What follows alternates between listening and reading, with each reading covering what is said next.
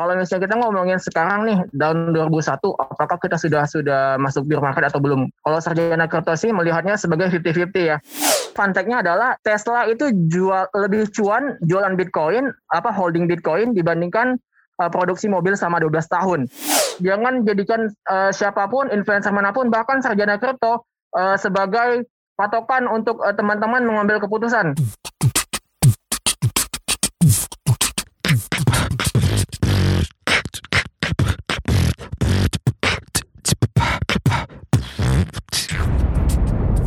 Cuap-cuap cuan. Halo Sobat Cuan semuanya, hari ini saya Alin Wiratmaja akan mengajak Sobat Cuan untuk berbincang bersama dengan sarjana kripto yang sudah dikenal akan upayanya untuk mengedukasi masyarakat soal cryptocurrency dan juga followernya seabrek-abrek pastinya di Instagram ya. Langsung saja kita akan ngobrol bareng. Halo Bin. Apa kabar? Halo Kalin, kabar baik. Gimana kabar CNBC tim? Kabar baik ya meskipun kita agak meriang-meriang disco ya karena COVID-19 ini makin banyak kan pada takut kalau misalnya diketatkan kembali nih gitu mobilitas masyarakat. Ya, ya. Kak, kita mau nanya dong kenapa nih e, namanya sarjana kripto? Emang udah lulus dari berbagai macam ujian dan siklus-siklus kripto ya? Oke. Okay. Uh, jadi kalau misalnya kita mau tarik belakang cerita dikit soal uh, the original kenapa sarjana kripto, sebenarnya pemilihan namanya ada beberapa, cuman yang catchy itu uh, sarjana kripto gitu. Dan memang secara founder, beberapa founder itu emang sudah mulai dari 2015 2016. Sedangkan saya sendiri itu di 2017. Cuman saya bukan foundernya itu. Jadi uh, di 2018 uh, sarjana kripto itu lahir dan kemudian sempat vakum ya karena market mungkin tidak mendukung dan beberapa founder lebih fokus ke bisnis yang lain seperti itu. Jadi selama setahun uh, sarjana kriptonya vakum dan kemudian kemarin tahun 2020 akhir baru dibangkitin lagi uh, dari founder untuk meminta tim baru nih yang menghandle. Nah tim baru itu kita, kita yang kebetulan uh, dari Desember kemarin mendapatkan respon positif lah ya sampai hari ini gitu. Jadi kalau misalnya soal sarjana kriptonya emang lulusan kampus atau gimana, tidak juga hanya saja biar uh, sesuai lah dengan apa namanya market seperti itu. Berarti para foundernya nih early adopters ya saat orang belum se hit sekarang dan belum sepercaya sekarang dengan kripto udah masuk ke instrumen ini ya. Iya, bahkan uh, mereka uh, pada saat itu membuat exchange sendiri uh, meskipun kurang berhasil ya waktu itu gitu. Oke. Okay. Nah, kalau misalnya kita bicara soal kripto nih, uh, berarti bisa jadi mereka sebenarnya atau uh, sarjana kripto sendiri, para foundernya nih sudah masuk ke kripto sebelum mendirikan sarjana kripto ya, mungkin sebelum 2015.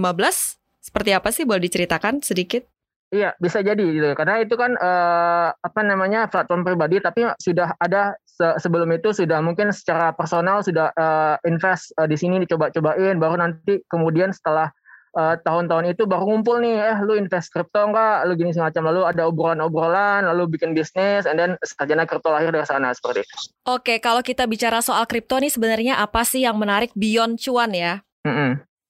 Well, actually is the new scope of the industry itu kalau misalnya orang ngomongin soal industry 4.0 bentuknya mungkin cryptocurrency. Kenapa? Karena kalau misalnya kita uh, lihat dari ekosistemnya uh, itu bukan hanya soal uh, transaction transactional money gitu, bukan cuma ngomongin uang, tapi actually uh, the crypto industry itu ngebil ngebil membangun sebuah uh, namanya uh, digital infrastructure gitu, di mana uh, kita ngomongin scope DeFi, ngomongin uh, decentralized finance untuk finance-nya sendiri, mereka membuat sesuatu sistem yang uh, permissionless, tidak butuh lagi kita harus store money ke bank uh, ataupun uh, transaksi harus via pihak ketiga, tapi misalnya dari uh, Indonesia ke Aussie, dari Indonesia ke Portugal langsung dan lebih cepat seperti itu. Itu kita baru ngomongin soal uh, digital infrastructure secara uh, bidang uang ya. Kita belum ngomongin soal uh, industri yang lain seperti kesehatan, uh, pemerintah, government, data-data dan sebagainya itu. Jadi uh, cryptocurrency sendiri dilihat sebagai uh, wave barulah untuk uh, teknologi masa depan seperti itu. Iya, kalau kita melihat uh, belakangan ini trennya negara-negara di Amerika Latin ini antusias banget ya untuk uh, mengadopsi uh, Bitcoin atau juga kripto ini seperti apa sih uh, untuk industri ini akan seperti apa dengan adanya penerimaan atau adopsi dari negara official gitu? Ini termasuk berita yang sangat besar sekali ya untuk uh, wave kali ini ya. Kenapa itulah kenapa Bitcoin hingga sampai hampir mendekati satu miliar ya dari dulu kalau misalnya di 2017 kita melihat bahwa kebanyakan retail jadi early adopter yang percaya saat banyak orang yang meragukan segala macam uh, retail udah masuk duluan. Dan mereka uh, percaya bahwa ini sesuatu yang baru uh, sesuatu yang uh, future lah seperti itu. Namun pada akhirnya terjegal nih oleh semesta kalau bahasanya Yuda Keling ya. Uh, tapi yeah. dijegal sama dijegal sama negara lah. Di ban nggak boleh nih lu nggak boleh gunain uh, uang selain uang yang di uh, issue sama negara. Ataupun ini nggak ada regulasinya. Atau ini nggak aman ini. Kenapa bisa transaksi narkoba transaksi uh, uang gelap penggelapan uang pencucian uang segala macam pada saat itu. Jadi 2017 tidak ada support negara yang seperti sekarang. Nah pada 2021 terlihat sekali bahwa tidak hanya institusi swasta yang mau invest tapi juga negara ikut ambil andil. Nah di sini negara Amerika, Amerika Latin ini Eh, menjadi salah satu negara bagian lah bagian negara yang terdampak oleh misalnya inflasi ataupun uh, kesulitan ekonomi yang uh, cukup parah ya dibandingkan negara negara seperti Indonesia atau yang lainnya. Nah, mereka itu tergilaan yang mungkin menjadi alasan kenapa Bitcoin bisa menjadi alternatif untuk masalah bidang finance mereka. Nah, El Salvador bisa dibilang sebagai kambing percobaan lah ya, kelinci percobaan seperti itu. Jadi uh, mereka negaranya cukup kecil dan juga uh, secara data yang di yang dibilang oleh uh, presidennya 70% dari penduduknya itu uh, tidak tersentuh oleh tradisional financial services gitu. 70% dari penduduknya dan itu menjadi alasan utama El Salvador untuk uh, me, me, mendukung bahwa Bitcoin bisa menyentuh market yang tidak tersentuh oleh uh, keuangan tradisional ini. Dan itu kita melihat bahwa jikalau uh, volatilitasnya uh, sangat tinggi itu sangat sulit. Tapi balik lagi transaksi akan terjadi ketika kedua belah pihak sepakat. Seperti misalnya membeli pizza pada waktu itu. Padahal waktu itu Bitcoin belum belum belum belum resmi juga 10.000 pizza sepuluh ribu bitcoin. Dan ada transaksi itu. Dan ada juga yang membeli bitcoin atau uh, membeli bitcoin uh, membeli Lamborghini waktu-waktu seperti itu. Iya, tapi kalau uh, Bitcoin sendiri Anda melihat ini sebenarnya lebih ke sebagai alat pembayaran atau lebih cocok sebenarnya untuk uh, aset investasi?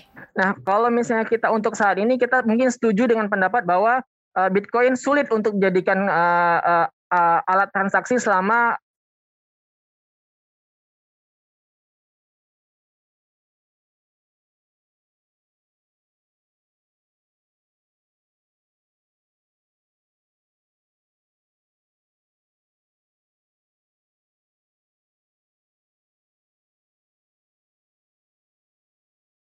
aset lain dengan Bitcoin.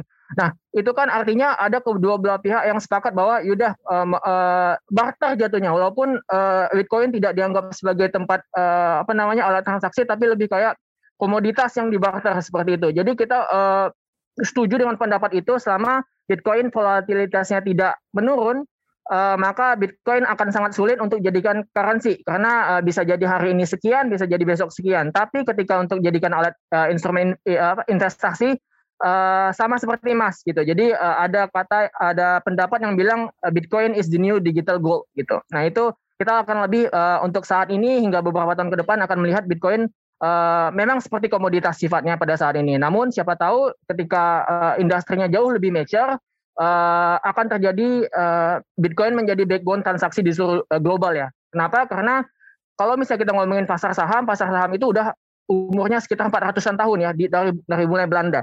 Sedangkan uh, industri cryptocurrency baru mulai-mulai itu 2010. Jadi benar-benar memang this is something new. Bayangkan kita ke masuk pasar saham baru 10 tahun pada saat pada tahun 1600 sekian. Nah, itu Bitcoin pada saat ini. Jadi kita masih sangat-sangat early, sulit untuk benar-benar menjudge apakah ini akan berguna atau tidak seperti itu. Kalau untuk kita masuk di tahap-tahap early ini sebaiknya mindset kita seperti apa sih Min? Ada baiknya untuk uh, yang namanya mempelajari dulu skop industrinya gitu. Jadi kebanyakan orang hanya melihat bahwa uh, industri ini adalah quick bucks ya.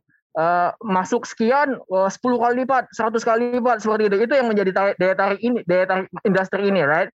Nah, iya betul. Uh, mindset uh, uh, mindset seperti itu sebenarnya kita sarankan untuk uh, jangan terlalu uh, diadopsi seperti itu. Yang pertama, apa pun industrinya, baik itu saham, baik itu kripto, baik itu komoditas apa pun pelajari dulu gitu seperti itu Nah, apa yang membuat kita sesuaikah dengan uh, profil risiko kita, uh, sesuaikah dengan namanya manajemen kita gitu. Industri cryptocurrency kan termasuk yang sangat-sangat beresiko gitu. Jadi kita masukin uh, mungkin jangan all in, ada yang banyak masukin uang nikah lah, uang pendidikan anak lah, tiba-tiba berharap sebulan kemudian uh, cuan 10 kali lipat eh boncos gitu kan. Nah itu jadi yang pertama-tama pelajari dulu mindsetnya adalah uh, udah paham nggak kita, baru kemudian pilihlah aset-aset yang memiliki market cap ataupun uh, image yang bagus gitu, yang punya ekosistem, yang punya use case. Seperti halnya perusahaan, kalau misalnya kita memilih blue chip dalam kata tanda kutip, pasti memilih perusahaan-perusahaan yang produknya dipakai. Seperti Telkomsel, Unilever dipakai gitu. Jadi, nah sama uh, pada dasarnya kita melihat bisa men, uh, mengaplikasikan pendekatan yang sama ke cryptocurrency seperti itu. Oke, dasar analisa yang kita gunakan untuk menilai sebuah uh, aset kripto ini layak kita taruh uang kita di situ apa enggak itu apa sih, Min? Yang pertama adalah uh, tadi uh, yang sangat ditekankan adalah use case. Jadi uh, kalau misalnya kita balik lagi kalau misalnya pasar saham 400 tahun sudah ada formula nih, sudah ada formula. Produk susu uh, antara perusahaan satu dengan perusahaan lain siapa yang paling cuan, siapa yang paling uh, diterima oleh market. Nah, sedangkan di kripto itu sulit. Uh, komparasinya masih sedikit. Jadi kalau misalnya kita ngomongin produk exchange, produk exchange itu di setiap negara belum tentu punya exchange masing-masing. Sedangkan misalnya kalau misalnya produk air mineral setiap negara ada seperti itu. Nah, kalau di kripto kita bisa ngomongin use case, tapi juga tidak ada formula tertentu nih, Kalin. Jadi uh, memang sangat sulit untuk menentukan apakah ini bagus atau tidak. Bahkan yang paling bagus sekalipun misalnya kita ngomongin Bitcoin atau ataupun Ethereum kalau lagi bear market bear market aja gitu kan Kak. Betul, betul. Nah, seperti itu. Jadi uh, memang uh, untuk menentukan formula tertentu itu kita sulit karena uh, emang memang industrinya masih uh, berumur belasan tahun dan belum ada formula-formula tertentu. Tapi balik lagi ketika uh, project ini digunakan dan banyak uh, secara log value, total value log biasanya kalau misalnya DeFi seberapa banyak uang yang di, dikunci di dalam sana ataupun seberapa banyak user yang menggunakan aplikasi ini ataupun seberapa banyak uh, kalau misalnya Ethereum itu banyak banget ada NFT, ada uh, digital art, ada uh, DeFi dan segala macam. Kita harus melihat skopnya ini dulu gitu. Seberapa besar dia ekosistemnya bisa berjalan dan digunakan. Itu yang pertama. Yang kedua adalah melihat founder-foundernya. Biasanya kalau zaman dulu foundernya anonimus nggak masalah gitu. Bahkan Bitcoinnya anonimus. Tapi sekarang ketika uh, ada project sangat sangat uh, berbahaya sekali untuk memilih founder-founder yang anonimus. Kenapa? Karena mindset yang uh, hit and run dari para founder ini udah uh, mendarah daging gitu. Jadi kita buat project yang micin lah dalam kata itu, terus uh, di di hype hypein, dibayar bayar uh, influencer yang juga influencer juga uh, nggak peduli yang penting cuan gitu kan dapat dapat uh, biaya endorsement dan segala macam terus habis itu perusahaannya hilang. Seperti zaman dulu Bitcoin dan segala macam. Nah itu. Jadi hindari project-project yang hype tapi kita harus punya uh, due diligence dulu. Ini legit nggak gitu? Bisnisnya legit nggak? Apakah dia menawarkan return-return yang fantastis? Misalnya uh, 100 sekian persen dalam setahun ataupun sebulan. Itu kan secara logika udah nggak nggak make sense gitu. Nah itu aja yang yang perlu pertama kita filter dulu. Dan yang terakhir adalah uh, komunitas nih. Review dari komunitas seperti apa? Apakah uh, project ini bagus? Apakah ini ternyata ada shady move? Nah, seperti itu yang yang yang yang yang sulit sekali untuk diduplikasi antara satu dengan yang lain karena setiap user biasanya tujuan investasinya beda-beda nih. Ada yang investasi di Doge wah cuan cuan cuan, tapi belum tentu ada use case, belum tentu dipakai, tapi cuan gitu. Ya udah gitu. Nah, nah baik lagi ada orang yang uh, meletakkan uang di uh, Ethereum. Tapi lama nih min. Uh, lama banget nih uh, profitnya segala macam. Balik lagi gitu. Jadi apakah apakah anda berani menghasilkan uang anda uh, seberapa besar? Apakah itu sesuai dengan uh, profil risikonya dan lain-lain seperti itu. jadi uh, use case uh, foundernya legit atau enggak dan juga komunitasnya review komunitasnya dan dan dan, dan seperti itu Oke, itu bedanya ya kira-kira yang bisa membedakan uh, koin berkualitas ataupun koin micin ya berarti ya Min. Ada yang mau ditambahkan lagi nggak Min soal ini? Kalau di kita biasanya uh, di buku ya kita jelasin panjang lebar soal ini ada beberapa faktor yaitu uh, mengenai selain use case, ekosistem, founder dan juga uh, distribution sih Kak Kalin. Iya. Jadi uh, distribution supply ini adalah ketika kalau misalnya Bitcoin kan harus nambang dulu tuh Kalin. Jadi Bitcoinnya tidak dimiliki oleh siapa pun. Nah kadang ada project-project itu yang dia dia udah mencetak sekian juta ataupun sekian miliar uh, supply.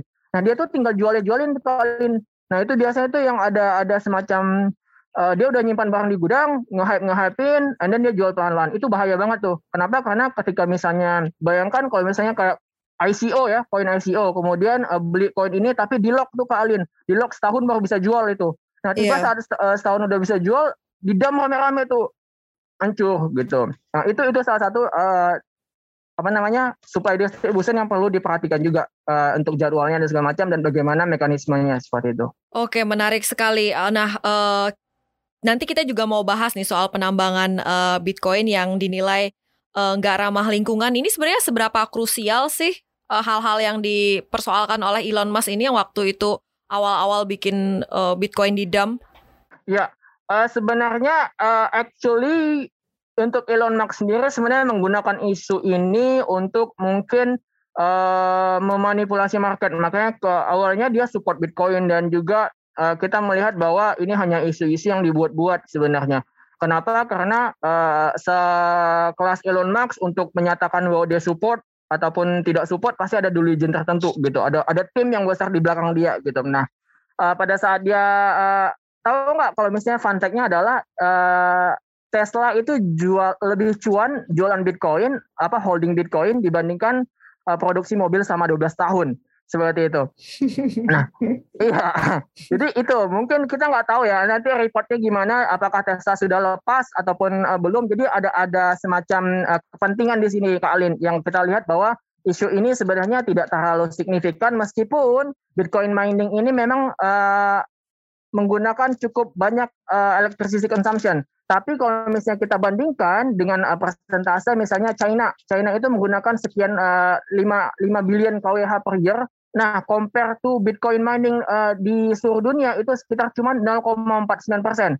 Untuk saat ini rate-nya itu uh, Bitcoin mining seluruh dunia itu hanya di setara uh, pengeluaran KWH-nya Filipina. Jadi satu tahun Filipina sama dengan uh, Bitcoin mining seluruh dunia jadi seperti itu. Jadi uh, sebenarnya untuk uh, miningnya sendiri uh, tidak terlalu yang seperti apa, hanya saja di hype ya. Biasalah sentimen-sentimen yang di hype media segala macam. Ini ada kepentingan di belakangnya seperti itu. Jadi, nah itulah kenapa El Salvador menggunakan Enggak, lo lo salah. Makanya gue mau bikin Bitcoin mining yang tenaga energi energi geothermal gitu, yang yang 100% chip, 100 apa lebih renewable gitu-gitu. Itu sebenarnya jawaban dari uh, Presiden El Salvador buat Elon Musk nih. Lu bohong aja, lu sebenarnya mau beli lagi kan mau atau gimana gitu nah makanya kita nanti mungkin akan melihat uh, reportnya kuartal kedua Tesla ini uh, Bitcoin holdingnya seperti apa pasti akan ada di sana seperti itu. Oke kita nantikan bersama ya earning reports dari uh, Tesla. Kalau demikian gara-gara uh, itu kemudian juga gara-gara China ban ini berturut-turut akhirnya bikin uh, pasar kripto ini meriang gitu kan. Nah kalau saat yeah, ini yeah. nih menurut Mimin sendiri kita tuh kayak gimana sih uh, outlooknya ke depan kita tuh udah melalui bear atau kita masih bear atau kayak gimana sih Min? Dan kalau ditarik jangka panjang yang lebih panjang lagi time horizonnya itu uh. seperti apa? Apa kita tuh masih sebenarnya tuh di bull run gitu untuk kripto? Iya iya iya iya. Uh, balik lagi nih Kak Alin, kalau misalnya kita ngomongin secara industri, industrinya juga belum mature ya. Biasa kalau misalnya industri belum mature ataupun uh, perusahaan yang belum mature itu volatilitasnya tinggi banget. Nah, kalau kita ngomong dari 2010 ke 2021 itu udah pasti jelas banget itu kita uh, masih buluhan panjang gitu. Jadi itu sulit untuk sekali untuk melihat bahwa Bitcoin akan ke zero dengan dengan dengan ekosistem sebesar ini Nah, kalau misalnya kita ngomongin sekarang nih tahun 2001, apakah kita sudah sudah masuk bear market atau belum? Kalau sarjana kripto sih melihatnya sebagai 50-50 ya. Jadi uh, memang uh, bull marketnya sama setahun uh, terakhir tuh udah 10 kali lipat dan kita uh, correction is due. Pada akhirnya akan ada koreksi tertentu untuk uh, pullback untuk melihat apakah market ini sehat atau tidak. Karena kalau misalnya di pump terus juga berbahaya sekali seperti itu. Jadi akan ada uh, semacam distribusi pace untuk untuk uh, supply untuk market bisa uh, secara logis menilai uh, bahwa uh, euforia ini uh, harus dihentikan dulu untuk sementara. Nah, untuk saat itu kita masih 50-50 tapi cenderung untuk uh, melanjutkan bull run nih sampai 2021 karena kenapa? Karena uh, pullback kali ini hanya sebagai correction yang dibutuhkan healthy correction untuk uh, harganya Bitcoin seperti itu.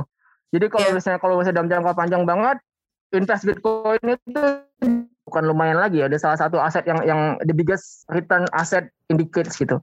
Satu-satunya aset yang memberikan return tertinggi di antara aset yang lain.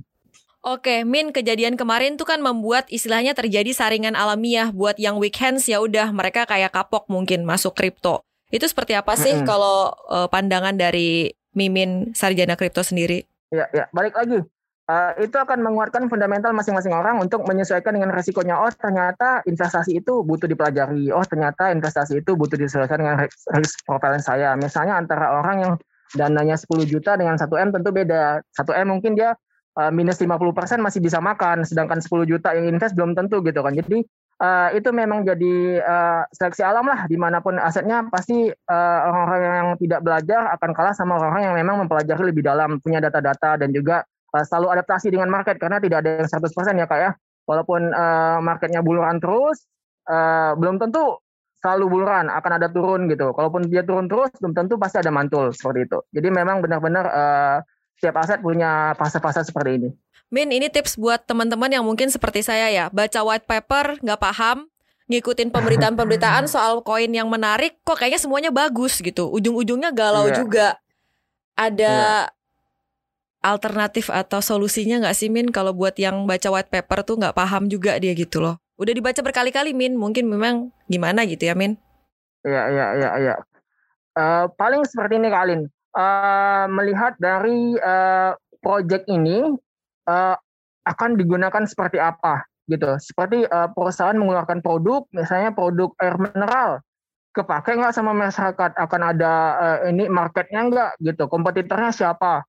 Standar-standar uh, seperti itu yang mungkin common sense ya bagi kita semua ya untuk menilai sama kayak misalnya kita menilai pegawai lah misalnya dia baik baik bidang apa, uh, performanya gimana, dan juga namanya uh, akan akan akan ada masa depannya enggak gitu seperti itu. Nah progresnya seperti apa? Nah untuk yang newbie newbie ataupun yang newcomer mungkin uh, dihindarilah untuk masuk ke koin-koin yang mungkin hype banget dan kita juga nggak ngerti kenapa dia naik uh, belasan kali lipat. Tapi uh, kemudian uh, ada potensi turun yang gila-gilaan itu kadang bisa bikin jantung semput juga ya uh, deg-degan gitu. Nah, untuk yang baru-baru mungkin mungkin kalau misalnya white paper juga nggak ngerti dan juga news juga uh, kurang memahami Ethereum, Bitcoin dan juga BNB itu udah jelas banget. Jadi kita udah udah udah ada produk andalan lah di kripto yang mungkin bisa jadi uh, tempat aman untuk menyimpan uh, berinvestasi dana. Nah, selebihnya bisa dipelajari sering waktu sih. Dan itu kita uh, apa namanya jelasin panjang banget di, di buku Crypto Cash Machine.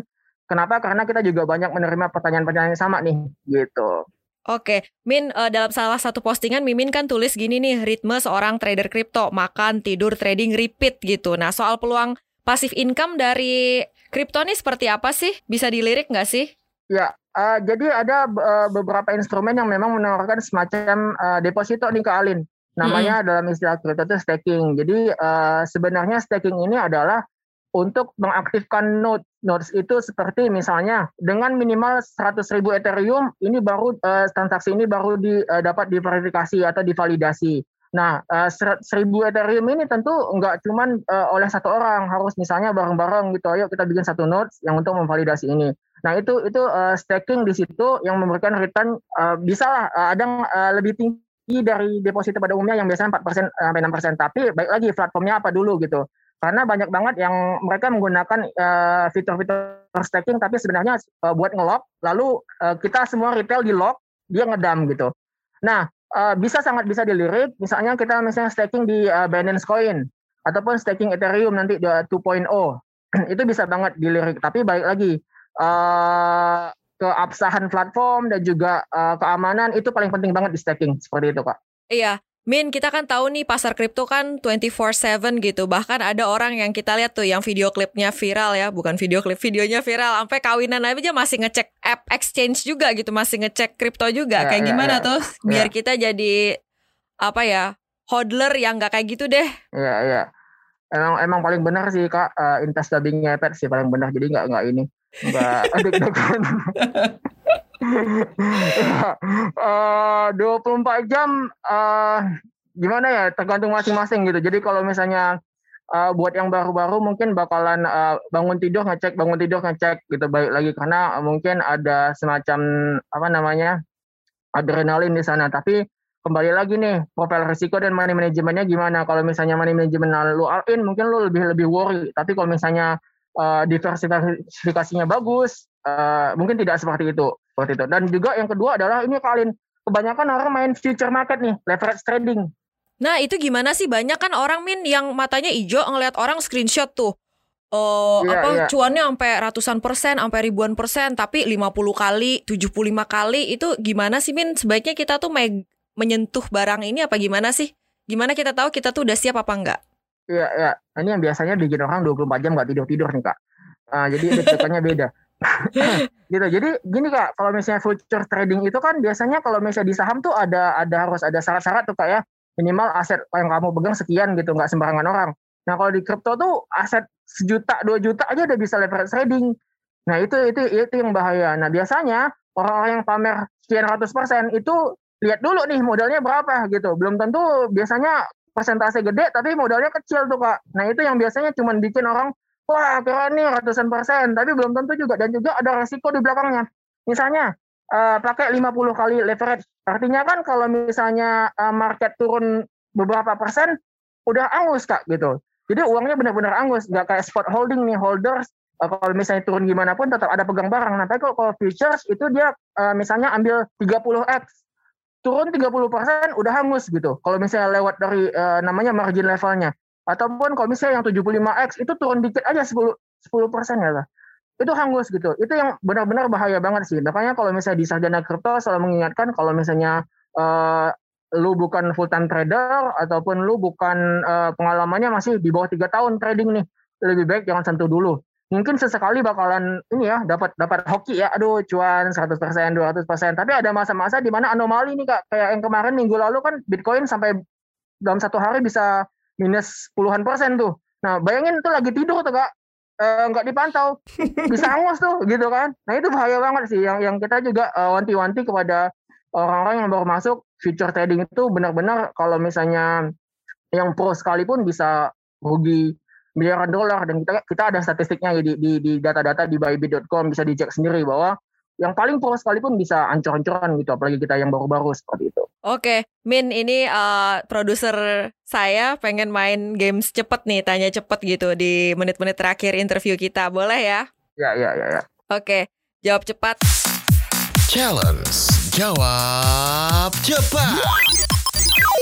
Kripto jangka panjang atau jangka pendek? Panjang. Mendingan ada bursa kripto atau bebas aja kayak sekarang? Bebas. Terpengaruh cuitan Elon Musk apa enggak? Enggak. Posisi floating profit atau floating loss? Floating profit. Koin favorit? Ethereum. Oke. Challenge. Jawab cepat. Tadi saya mau nanya BNB apa Ethereum? Ethereum ternyata ya. Kenapa Min? Meskipun itu unlimited supply, kenapa? Uh, iya, uh, yang pertama adalah soulnya kripto nih. Soulnya kripto itu desentralisasi nih Kak Alin. Jadi uh, semua orang harus participate di networknya, tidak ada yang memiliki dan juga uh, tidak dikontrol oleh siapa pun. Itu uh, ada di Ethereum. Sedangkan BNB kan centralized, semuanya masih centralized, supply-nya masih dipegang sama uh, si Binance-nya dan segala macam. Meskipun secara produk uh, cukup bagus ya uh, Binance ya. Tapi kalau misalnya kita compare antara Ethereum sama BNB, BNB aja lahirnya dari Ethereum seperti itu. Itu, itu uh, satu hal. Yang kedua adalah nanti uh, setelah Ethereum 2.0 uh, akan diaktifkan, Ethereum sudah sudah akan menggunakan uh, deflasi. Jadi supply-nya akan menurun dan akan ada fase burn, akan mirip seperti BNB. Jadi dengan ekosistem Ethereum yang sebesar ini, Ethereum itu punya peran yang signifikan nih Kak Alin untuk menciptakan uh, industri kripto yang semasif ini. Jadi banyak orang terinspirasi menggunakan platformnya, smart kontraknya terbukti berhasil.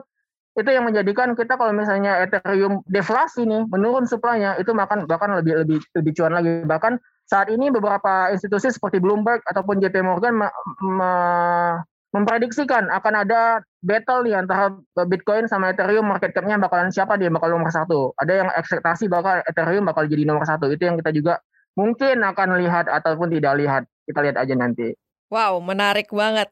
Min, mau tahu nih eh, menurut Mimin proyek apa yang ke depannya perlu kita perhatiin dan ini bakalan jadi uh, signifikan banget? Apakah DeFi, apakah smart contract atau apa nih Min? Uh, DeFi pastinya ya, DeFi dan juga uh, project-project yang berhasil seperti misalnya kita ngomongin Link. Link ini mirip kayak uh, cloud servernya uh, di cryptocurrency. Uh, jadi kalau misalnya link ini menyimpan misalnya gini, kayak KTP nih Kak Alin. KTP kita kan masih fotokopi nih Kak Alin ya. Iya. Ngomong-ngomong. Nah, itu. Nah, itu kalau misalnya di cryptocurrency ketika ada satu data yang masuk, kita udah nggak nggak perlu lagi duplikat-duplikat. Nah, itu fungsinya link. Jadi kalau misalnya KTP nih udah ada nama di Dukcapil dan segala macam, yaudah tinggal scan, tinggal di mana-mana tinggal input itu tidak perlu lagi harus ada misalnya fotokopi fotokopi lagi. Nah itu yang kita melihat bahwa uh, link ini akan menjadi integra- integrated uh, project untuk bagi banyak project gitu. Itu yang pertama link. Uh, ada misalnya kompetitornya seperti Telor, uh, seperti Phantom, FTM dan juga uh, LTO Network gitu. Jadi beberapa proyek yang benar-benar infrastruktur pemerintah, government dari A to Z, dari uh, kesehatan, uh, pendidikan dan segala macam perlu ada semacam uh, platform ataupun database yang bisa mencatat ini semua. Nah, itu sih yang misalnya kita lihat bahwa uh, di proyek-proyek di atas platform Ethereum ada proyek-proyek kecil yang mungkin berpotensi uh, dan juga aman untuk diinvestasikan gitu. DeFi tentu, tapi kita melihat juga nih skopnya ke bawah ke lebih lebih kecil apa nih, sama kayak kita ngomongin uh, di saham bank tapi bank apa dulu nih? Sekarang lu lagi ngetren bank digital ataupun lagi consumer goods. Consumer goods perusahaan yang mana dulu? Nah sama mirip gitu kak. Oke, terakhir ini Mimin bilang why you say never believe anyone? Termasuk juga sarjana kripto. ya gitu. Itu kita sangat-sangat uh, untuk menekankan mindset ya bahwa uh, at the end of the day the resiko itu ada di tangan masing-masing bahkan ketika sarjana kripto ataupun sarjana kripto benar ataupun sarjana kripto salah pada akhirnya yang mengambil keputusan adalah masing-masing trader, masing-masing investor gitu. Nah itu kenapa kita jangan jadikan uh, siapa pun influencer mana pun bahkan sarjana kripto uh, sebagai patokan untuk uh, teman-teman mengambil keputusan. Karena pada akhirnya apa yang sarjana kripto tahu belum tentu anda tahu ataupun yang anda tahu belum tentu sarjana kripto tahu. Nah itu itu yang menjadi kita bahwa jangan pernah percaya siapa pun uh, tidak ada yang apa namanya menodong misalnya anda harus beli ini tidak ada yang menodong pistol di kepala anda beli ini gitu. Jadi ketika anda gagal ataupun uh, berhasil itu adalah kerja keras anda. Anda yang mencari uh, knowledge-nya anda mencari informasinya. Jadi uh, ini yang sayang-sayang sekali terjadi kepada siapa pun. Biasanya banyak-banyak orang yang menyesal bahwa aduh ngikutin dia nih segala macamnya nih bego nih atau atau gimana tuh ada kata-kata binatang segala macam keluar dari mulut. Padahal kan itu itu yang bikin kita terinspirasi bahwa jangan percaya siapa pun gitu. Percaya diri diri kamu, percaya data kamu dan percaya riset kamu. Be your, be your own research. Wow, mantap banget. Do your own research ya untuk para sobat cuan yang investasi ya. di kripto. Terima kasih Sarjana Kripto, daging wagyu banget. Makasih sekali lagi. Semoga bisa membukakan mata para sobat cuan semua bisa berinvestasi dengan bijak termasuk juga investasi di aset kripto. Sehat selalu ya. Mimin. Ya, makasih Kak Ali dan tim CNBC Iya. undangannya. Terima kasih waktunya. Ya itu tadi perbincangan kita mengenai bagaimana sih idealnya kita bisa berinvestasi dengan bijak di aset kripto yang cukup volatil sempat nge-hype lalu sekarang sempat lemes. Nah, akankah nanti akan rebound dan melanjutkan bull run? Kita akan saksikan bersama. Saya Alin Wiratmaja undur diri sampai jumpa di cuap-cuap cuan selanjutnya. Bye.